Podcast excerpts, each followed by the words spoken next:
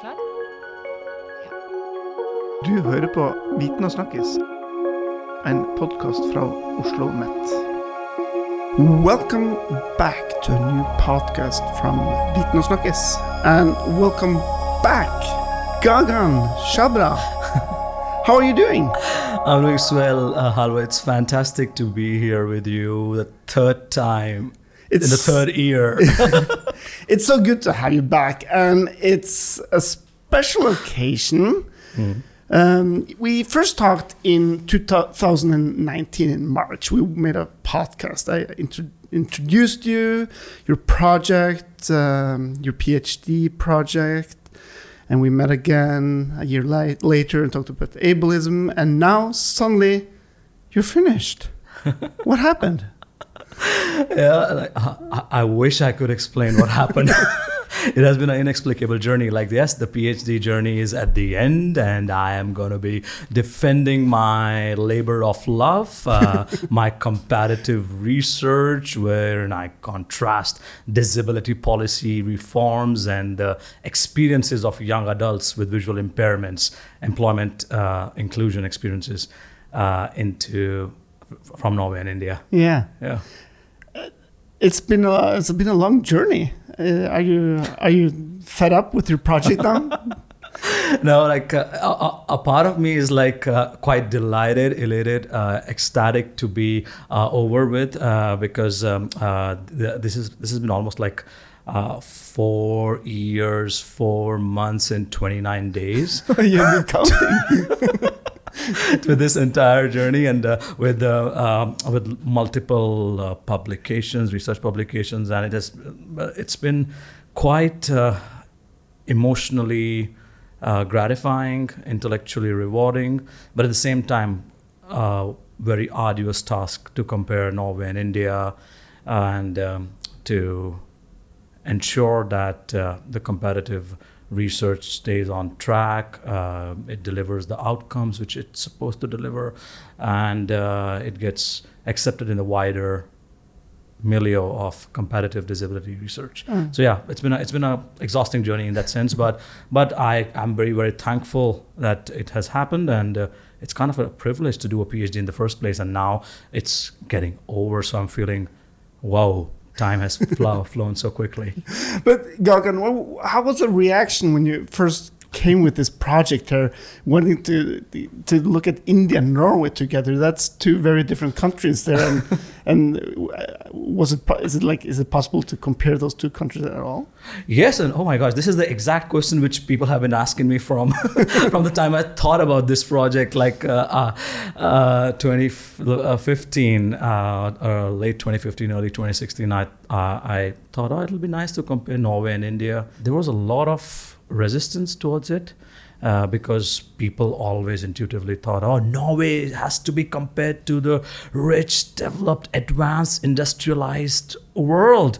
The OECD, Organization of Economic Cooperation and Development Countries, you know, like Norway should be compared to Sweden, to Denmark, to Finland, the US, Canada, Australia, UK.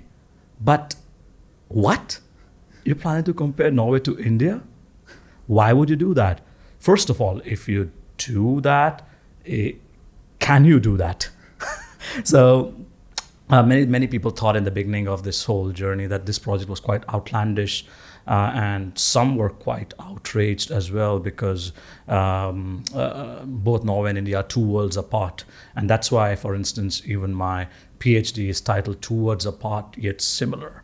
So uh, the the idea is that I understand, I appreciate, acknowledge the fact that Norway is one of the best countries in the world when it comes to the Human Development Index. It was ranked number one in 2019. It's fantastic to live in Norway. Great social benefits, great social services. Uh, and India is not doing that well. Uh, we all have heard all these tragic stories about uh, healthcare inequities in India right now, the, the challenges with COVID uh, vaccine and the rest, and there's tremendous poverty and uh, inequality in the society and discrimination. But the important thing for me in this whole journey was to stay focused on what I was comparing and um, and to stay and to bring that to light because I think when we compare, uh, we get a chance to learn from other experiences, other perspectives, other countries. Yeah. So, some of the similarities then, how, you pro- pro- proved them wrong, I guess, and uh, and found some similarities maybe. Yeah. No, exactly, and I think um, if you if I could take two steps back, I, I would like to recollect this or retell rather this one incident which happened back in the early days in 2017. I was attending a conference uh, in Lucerne. Uh, it was a European um, uh, conference, Alter, uh, and uh, just before the day of my presentation, we were having like a gala dinner, and uh, I was having food and um, just chopping the beef, trying to make sense that how should I eat it. And uh, right next to me was this uh, big demographer from France, uh, Max is his name, and uh, he's asking me, "So, young man, what are you researching about?" And I explained to him, I'm, I'm, I'm comparing Norway and India, and I'm comparing disability policies and employment experiences of young people with uh, visual disabilities. So his first reaction instantaneously was, Tell me you did not find anything worth comparing because these countries are so different. And I, you know, like I was struggling with my with the chopping of the beef and, and chewing it because uh, to be honest it was a gala dinner but the, the, the, the, quality of the beef was not the best. Steak was not very good. So i'm like uh, I, I, chewed oh, chewed over the meat for for some time and then i looked looked towards him. To max and said to him max listen not only am i comparing these two countries uh, the disability policies but i'm also finding similarities. And if you want to know more about this, I'll be presenting my findings, preliminary findings, tomorrow, next day. So why don't you just come? And then he came to the presentation. Um, and uh, once when my presentation and the question and answer session was over, uh, he uh, he asked a question and he said, Yesterday I met this uh, young man at the dinner table, and I, and I was quite premature to judge that, oh, uh, you can never compare Norway to India, and you will not find anything worth comparing. Uh, and not only has he proven me wrong, but I'm convinced that you can be compared, and that's a fantastic uh, um, uh, achievement for you. So it's important to stay curious and open minded. And uh, at the end, he said, I, I, want to take a picture of you and, and post it on the website. so, so, that was kind of like the whole circle of, you know, wow. uh, uh, uh learn, being uh, dismissed uh, off the cuff just because of the fact that we don't hear this topic or we have not explored the idea of comparing Norway to countries from other part of the globe. And yes, I feel that it's so important to kind of not ju- jump on those conclusions or those prejudicial attitudes uh, which people often have. It, it's, it's better to stay curious, open minded, and uh, not indulge into scientific dogmatism. So, so what do you find? Can can can Norway learn something? What I ended up doing is like I took a, I tried to map the landscape of the disability policies across Norway and India from the early 1990s. And now, you know, people would ask that why the early 1990s? Why not prior to that? So the idea was this that prior to early 1990s, there were no major regulations, legislations which protected the rights of persons with disabilities in law so Americans with Disabilities Act was passed in 1990s, and that kind of opened the floodgate when it comes to disability inclusion, disability rights, disability justice, and disability empowerment. So I thought, ah, that could be a fine way to start 1990s. I'll, I'll start comparing from that. And when I started comp- uh, seeing the policy landscape, you know, I immediately understood that it's it's very complex, it's very rich, There, there are policies which are linked to social benefits like disability pensions, uføretrygd. Hmm. And then there are policies linked to social services like user controlled personal assistance. And then there are policies which are linked to social regulations, for instance, anti discrimination, which talks about, or universal design or accessibility, which talks about creating a level playing field, you know?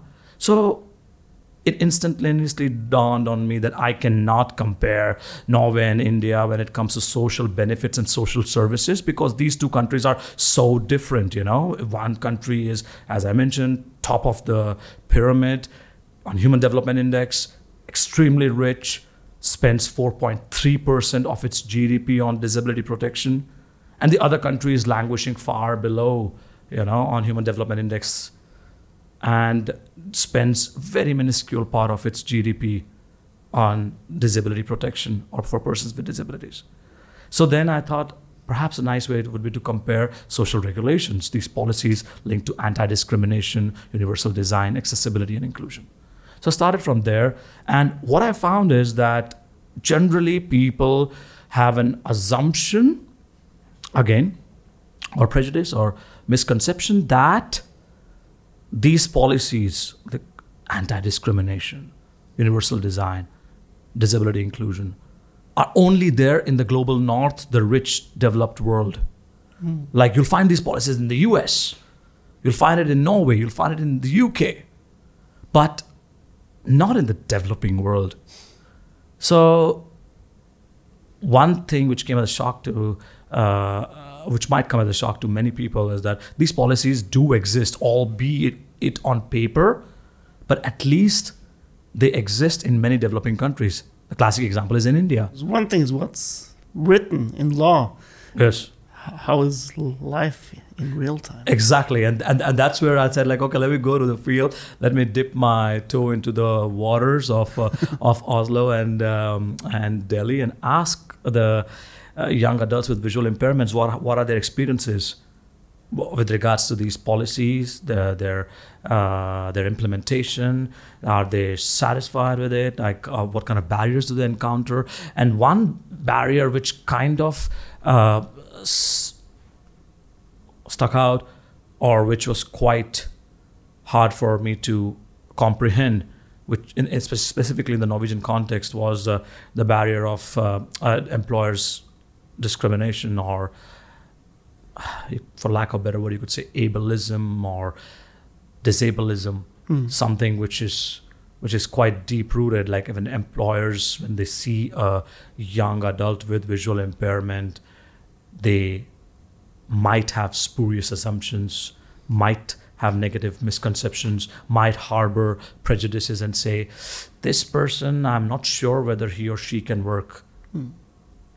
We support employers might think that, oh, we support that there has to be anti discrimination norms and legislation. We support that labor markets have to be inclusive, but not my organization. Mm. For my organization, I'm not sure whether I could include persons with disabilities and specifically young adults with visual impairments. So that kind of uh, came up and and I wrote a research paper called as turning a blind eye to employers discrimination because I think in the Oslo and Delhi context, uh, um, what our research shows is that it's it's quite hard for young people with visual impairments to to uh, to enter and excel and succeed if they if they want to do uh, want to participate.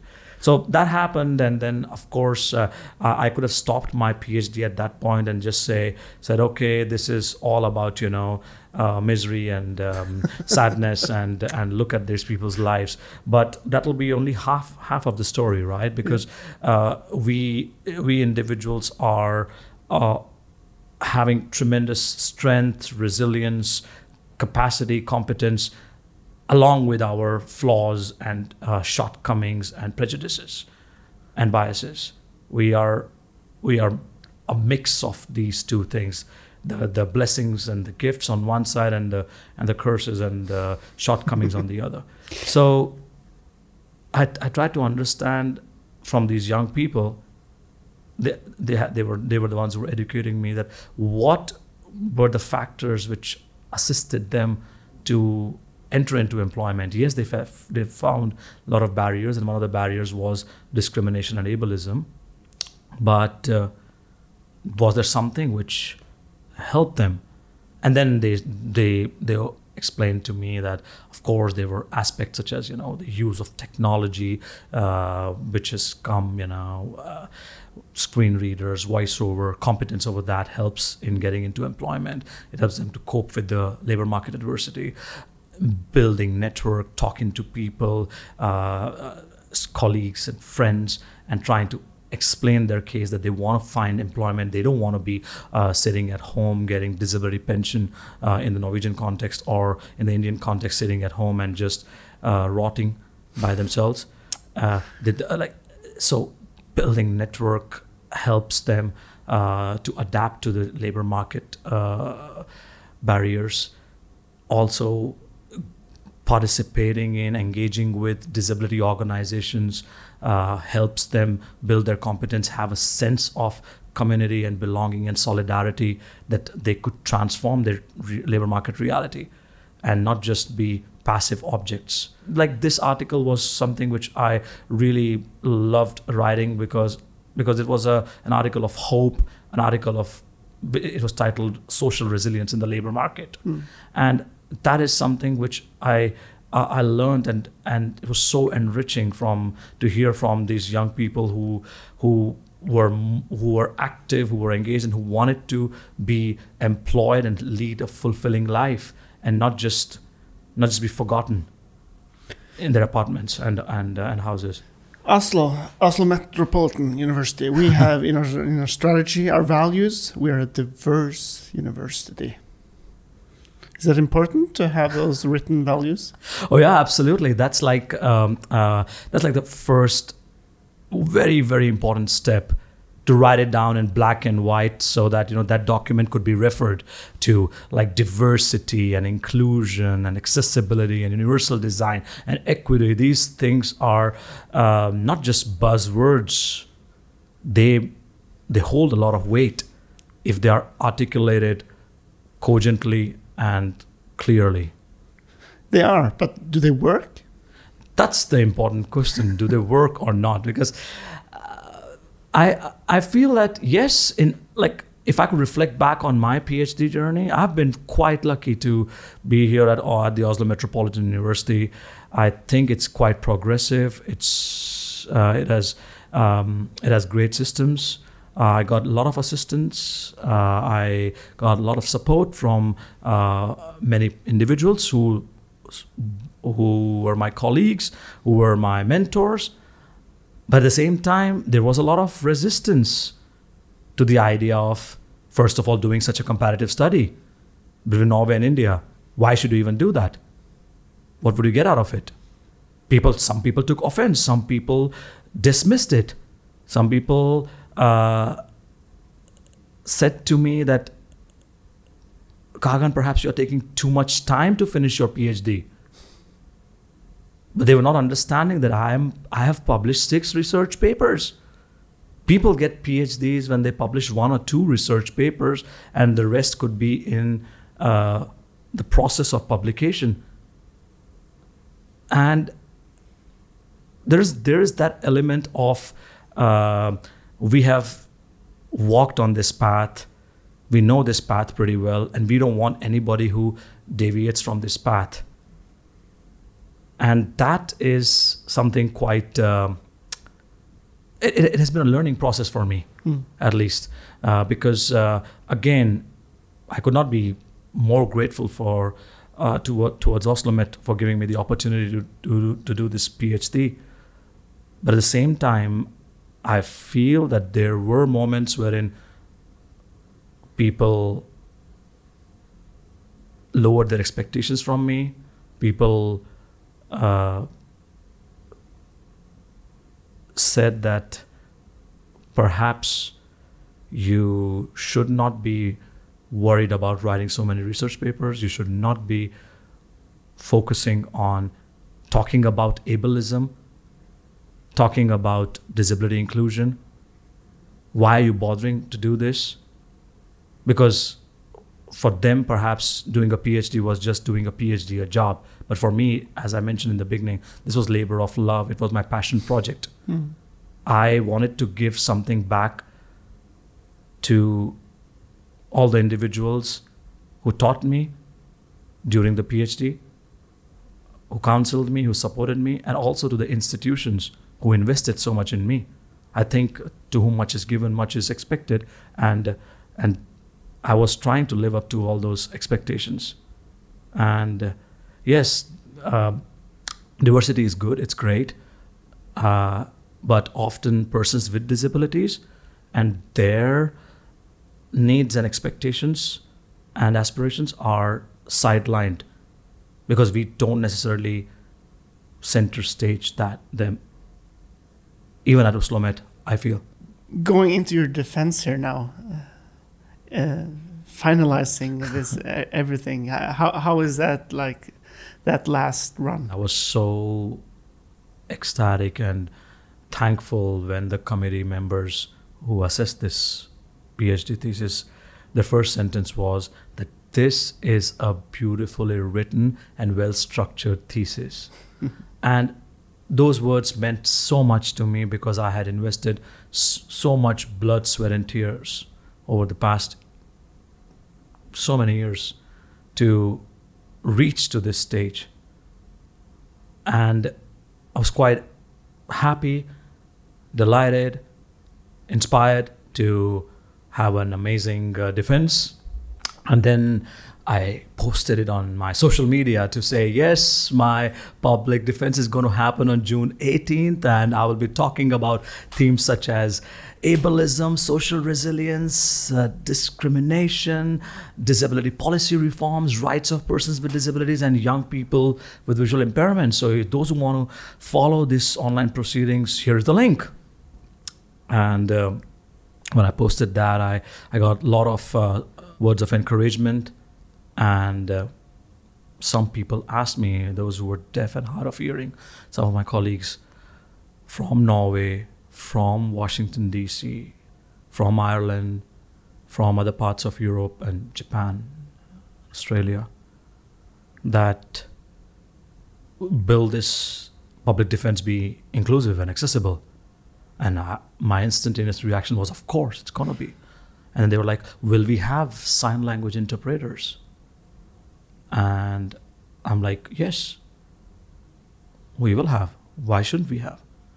Because Oslo Met has it prides itself. Uh, it's one of the most uh, ex- diverse, inclusive, accessible uh, universities. It centers the theme of universal design and inclusion so strongly. So, I'm like, yes, of course.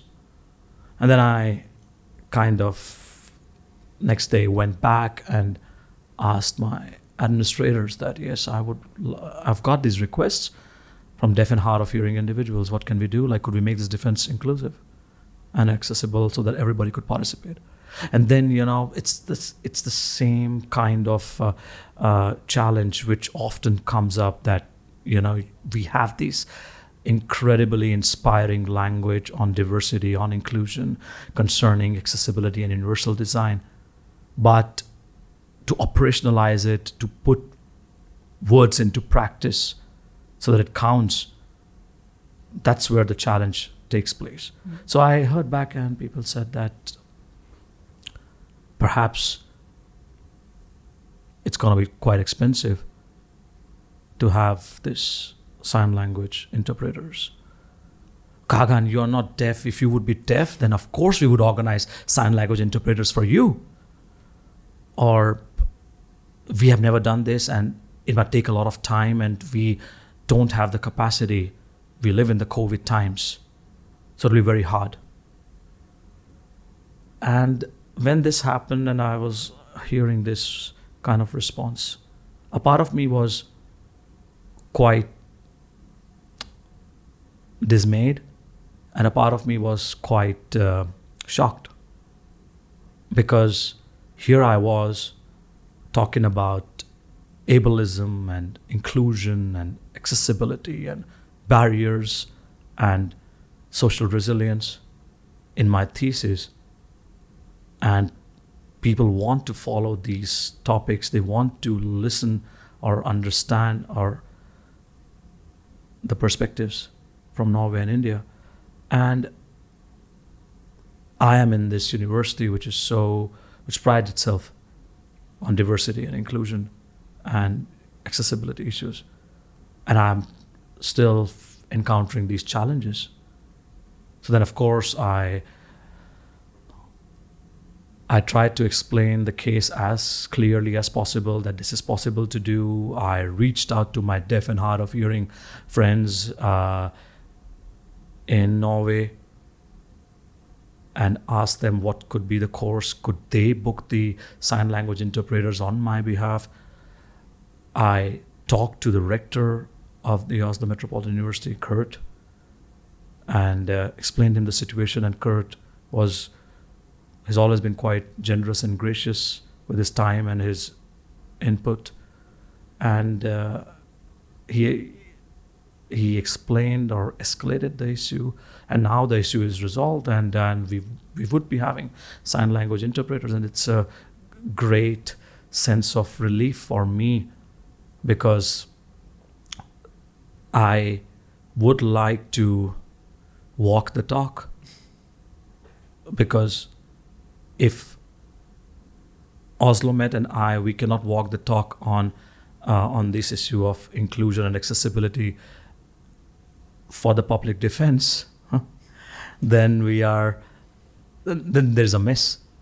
Yes, and it it, it has been a very um, uh, overwhelming experience uh, to be to be overjoyed by the by the amazing response for my PhD thesis. Uh, quite unexpected, quite uh, quite nice to listen to the response.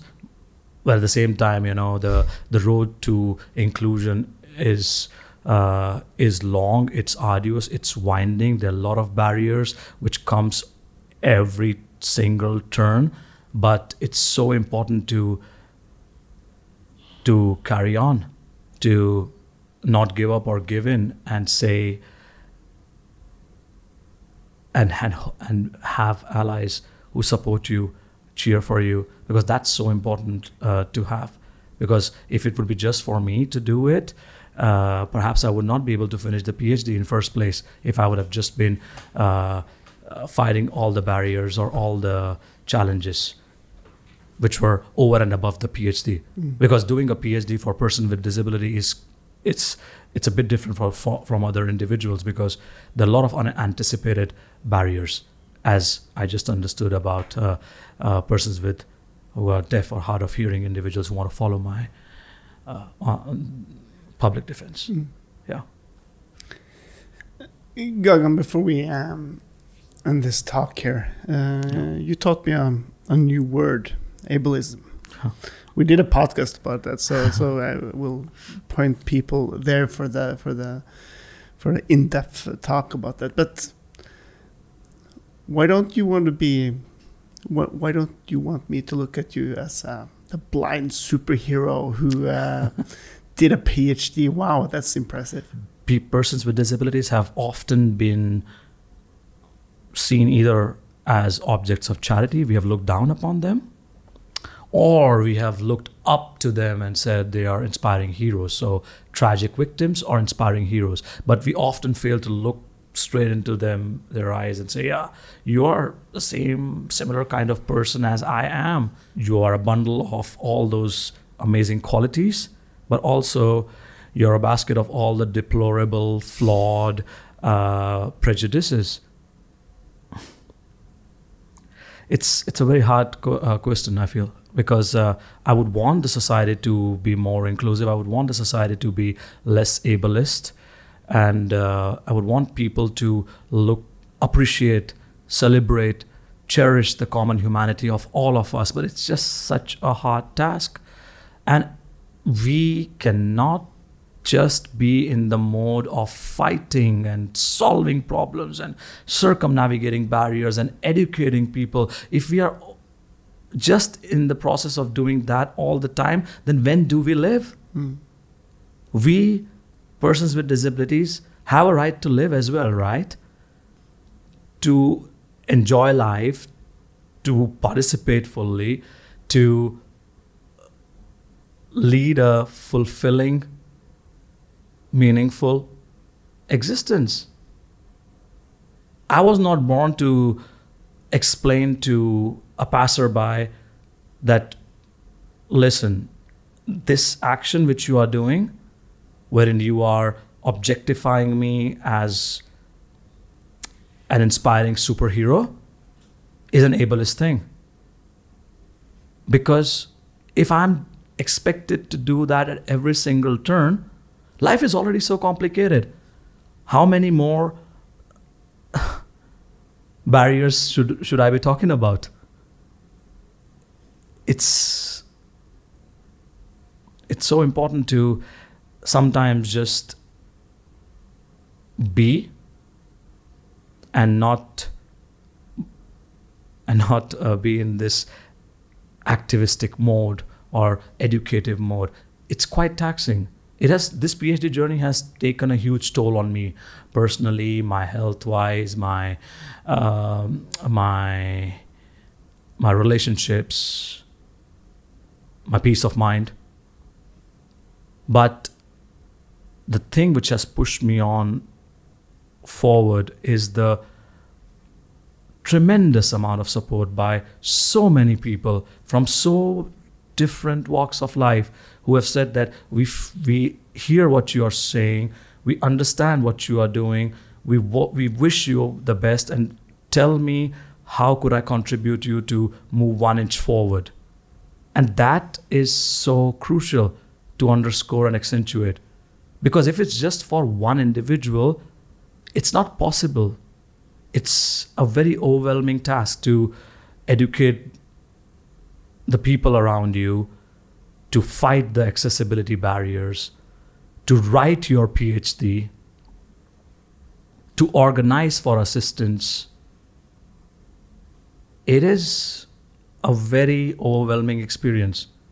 So I think that uh, um, we, at least in Norway, uh, have the tremendous opportunity to to have a dialogue on ableism, to put it into the public consciousness so that when people are judging other people, which they do because they want to categorize individuals into boxes, all of us do that. At least they would be more generous and keep some space in that box so that if the person is not fitting in the box of a tragic victim or an inspiring hero, he or she could come out of it as a common, regular, normal, quote unquote, human being. So I think it's it's exceedingly important to stress that that life is already very complicated and for persons with disabilities there are there are additional barriers which they encounter for doing the most basic and the banal things in life. And they also have a right to just live participate and enjoy life and not be a quote unquote disability rights advocate or quote unquote disability rights activist or quote unquote disability rights scholars who is always educating and explaining and clarifying and coercing and cajoling individuals to be, to be inclusive. Yeah. Gagan, congratulations. I know this is, I'm supposed to say this after your defense uh, 18th, but I'm going to say it now. Congratulations with a fantastic uh, job. Um, it's been a privilege to be talking to you uh, about this project. And uh, I know this is not the last time because I know you're going to continue this uh, important work. But I wish you some days off. uh, you, you, you need a, a, a long summer vacation now, no, you're spot on, Hallvard, and thank you so much. I think it's it's it has been such a pleasure to interact with you, to share my perspectives, and you have been a wonderful person to interact with because you have you've had this open mindedness to listen to these perspectives. Uh, you have encouraged me and I really appreciate the opportunity. And as you said, uh, I I hope that we we meet up again and have many more enlightening conversations. And you are invited on 18 June to participate in the public defense, which is going to be inclusive, accessible, and amazing. Hopefully, thank you, thank you, Hallvard. Thank you very much, Gagan, and uh, for everybody who's interested in all these topics we've been talking about, his uh, Gagan's articles and everything, uh, go to our uh, show notes, and we will link to up to absolutely everything uh, there, so you can have a nice read about all the interesting stuff you've been writing. Thank you. Have a really good summer. Thank you.